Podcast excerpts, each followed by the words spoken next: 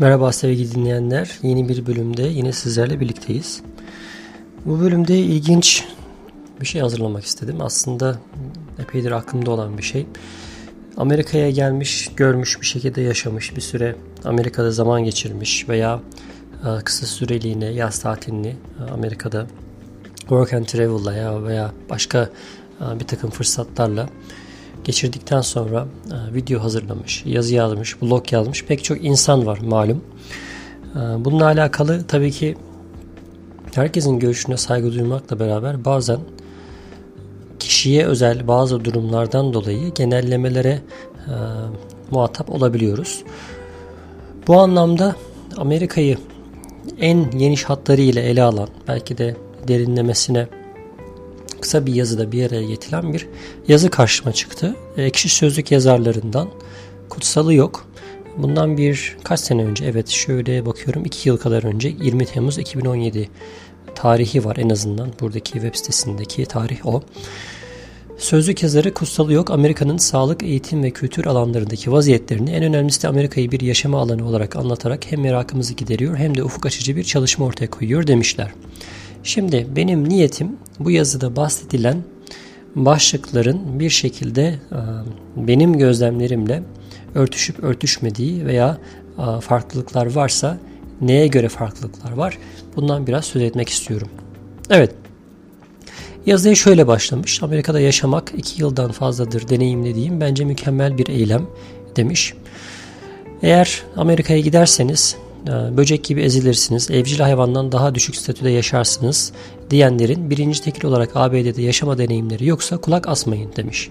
Hatta bence yurt dışında yaşamamışların yurt dışında yaşamak ile yorum yapması yasak olmalı. Evet ben kesinlikle e, bu öneriye katılıyorum. E, eğer yurt dışında yaşamamışsa bir kimse Amerika hakkında çok fazla malumatı yoksa Hatta bunu biraz daha açacak olursak Amerika'da kısa süreliğine yaşamış e, bir kimsenin Amerika hakkındaki e, size vereceği bilgi birikim gerçekten çok güvenilir olmayabilir.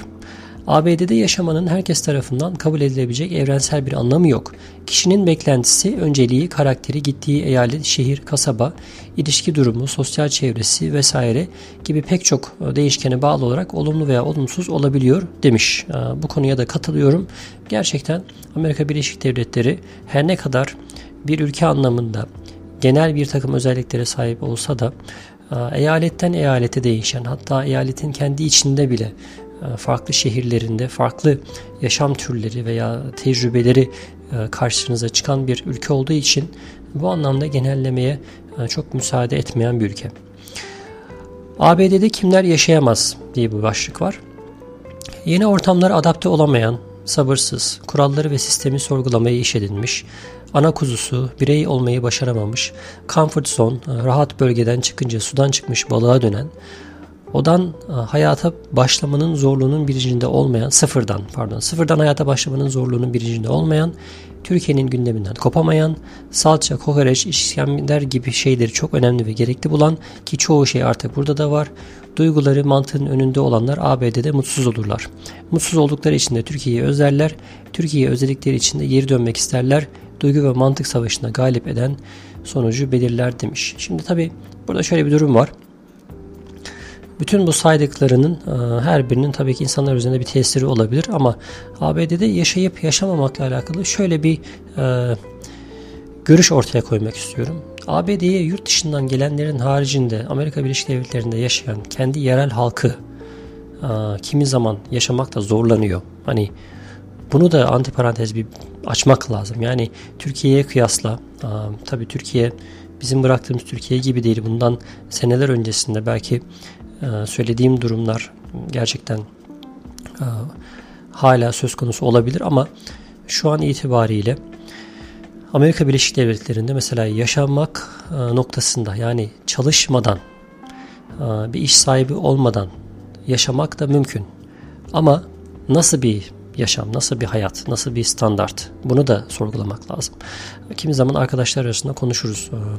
Amerika'da maddi durumu çok kötü olan insanlara e, işsizlik maaşı, onun dışında işte gıda yardımı vesaire, konut yardımı gibi imkanlar varken bazen e, yüksek seviyede hani geliri olan insanlara daha farklı imkanlar sunulurken orta seviyede yaşayan insanların çoğu zaman pek çok imkandan mahrum bırakıldığı ne bileyim yani bir mesela apartman kiralama noktasında gelir düzeyi belli bir gelirin altında olan insanlara kolaylıklar tanınırken orta sınıf dediğimiz çalışan sınıfında çalışan bir şekilde iki maaşla hem evin erkeği hem evin hanımı çalışırken bir şekilde eve gelir getirmeye çalışan bir ailenin kimi zaman bu tip imkanlardan faydalanamadığını, sağlık sigortası yine buna dahil görüyoruz ve bu insanların daha da çalışmak zorunda kaldığını, hayat standartlarını sürdürmeleri anlamında daha fazla saatler çalışmaları gerektiğini görüyoruz.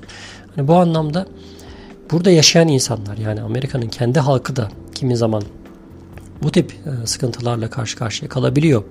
O yüzden sadece hani yurt dışından gelip Türkiye'yi özlemek veya işte Türkiye ile Amerika'yı kıyaslayıp burada yaşayıp yaşamamaktan ziyade burada doğmuş büyümüş insanların da Amerika'da yaşama noktasında kurallara uyma, standartları yakalama noktasında bazen e, sorunlar yaşadığını görebiliyoruz. Kimler güzel yaşar demiş. İngilizcesi var ve iyi olanlar. Egosu biraz terbiye edilmişler. Burnu önceden sürtülmüşler. TR'ye herhangi bir aidiyet duygusu olmayanlar. Biraz benciller. En az bir yeteneği olan, kalifiye eleman olanlar. Türkiye'den sadece bedenen değil kafa olarak da gitmek isteyenler. Mantığı duyguların önünde psikolojisi diğerlerine daha güçlü olanlar güzel yaşar demiş. Şöyle bu konuda İngilizcesi iyi olanlar noktasında evet tabii ki e, dil bilmek e, insanlara farklı kapılar açacaktır. Fakat hiç İngilizce bilmeden sıfır İngilizce ile buraya gelip e, çok başarılı olan insanları da biliyoruz. Bunun önceden sürtülmesi noktasında da e, hem katılacağım hem katılamayacağım.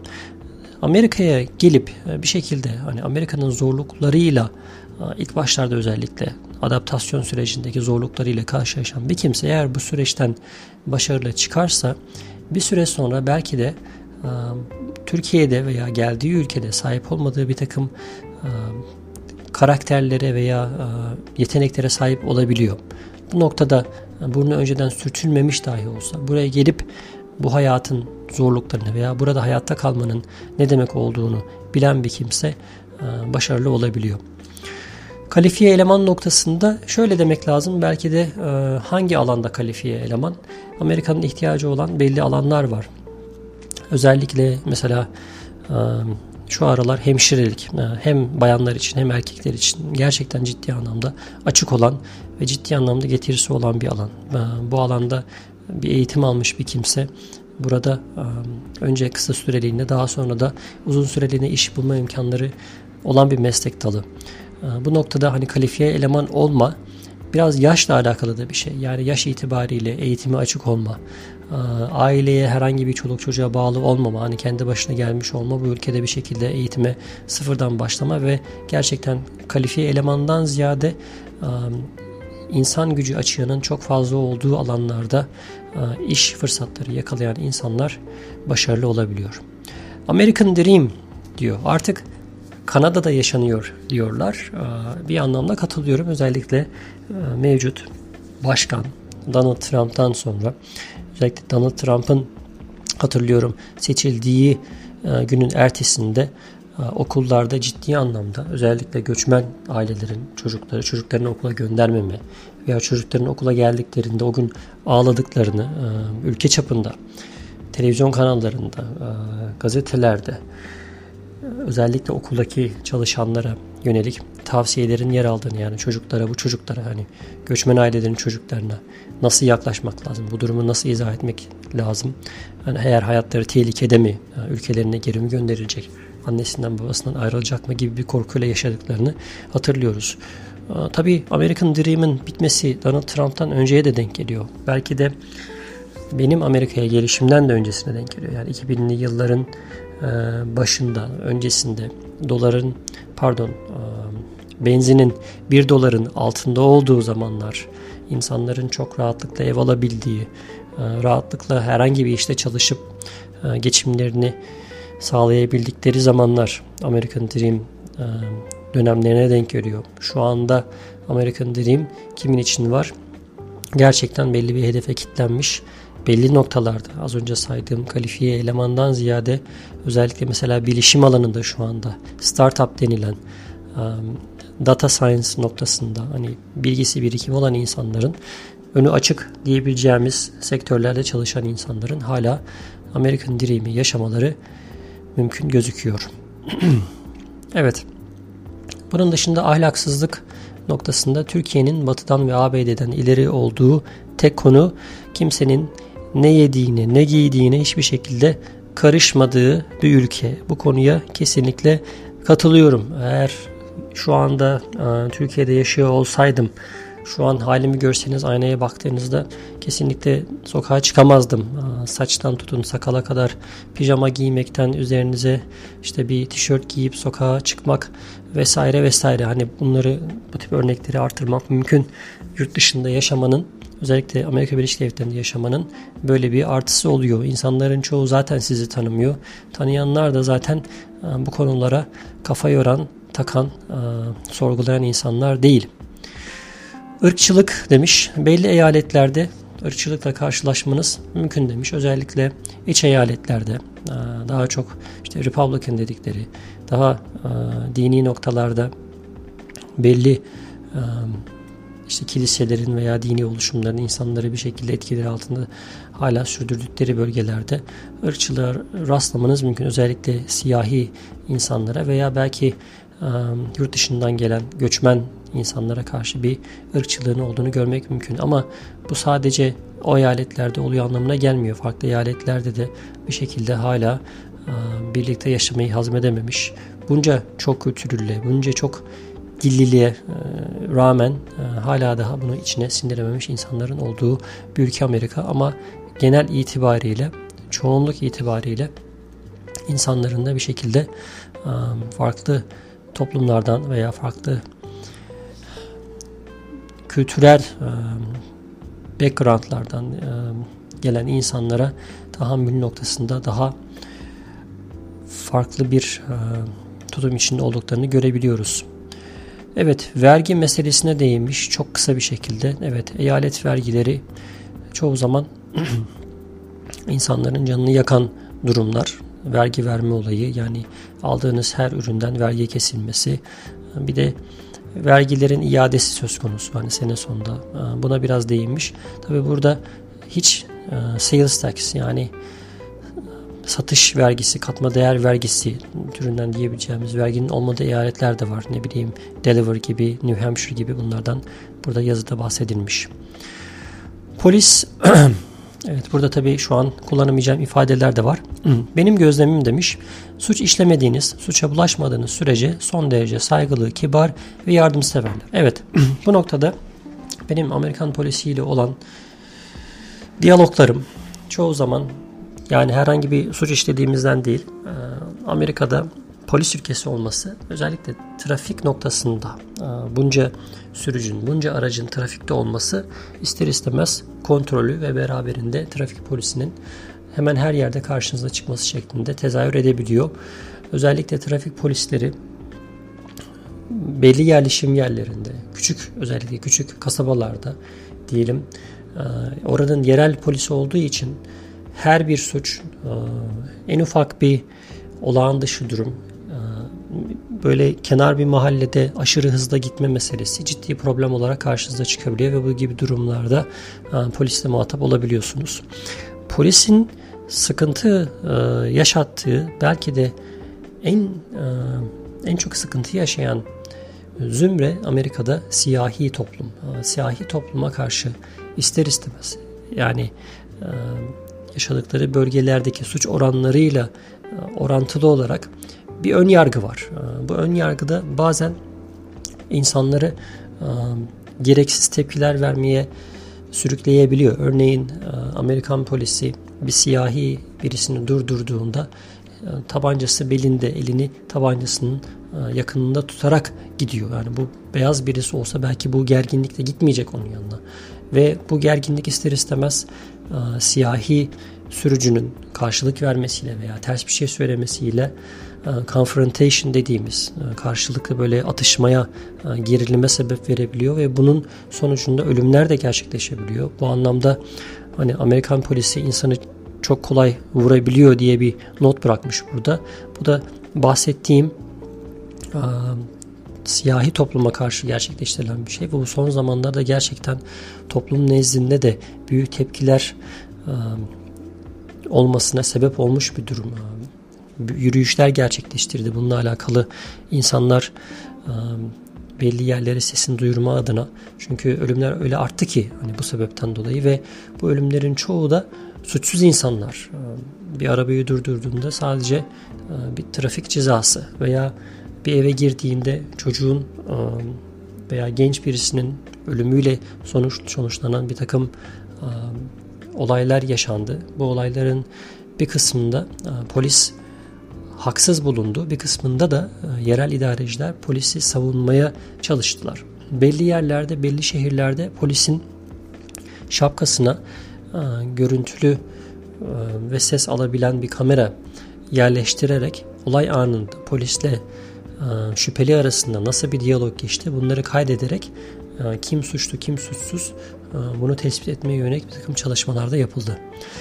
bir sonraki madde healthcare demiş. Sağlık sistemi buna hiç girmeye gerek yok. Sağlık sisteminin Amerika'da nasıl çalıştığını bilen e, bir Allah'ın kulu var mıdır bilmiyorum. Geçenlerde Facebook'ta bir tanıdığım şöyle bir şey paylaşmış. Sağlık sigortasının süresinin bittiğini fark etmemiş.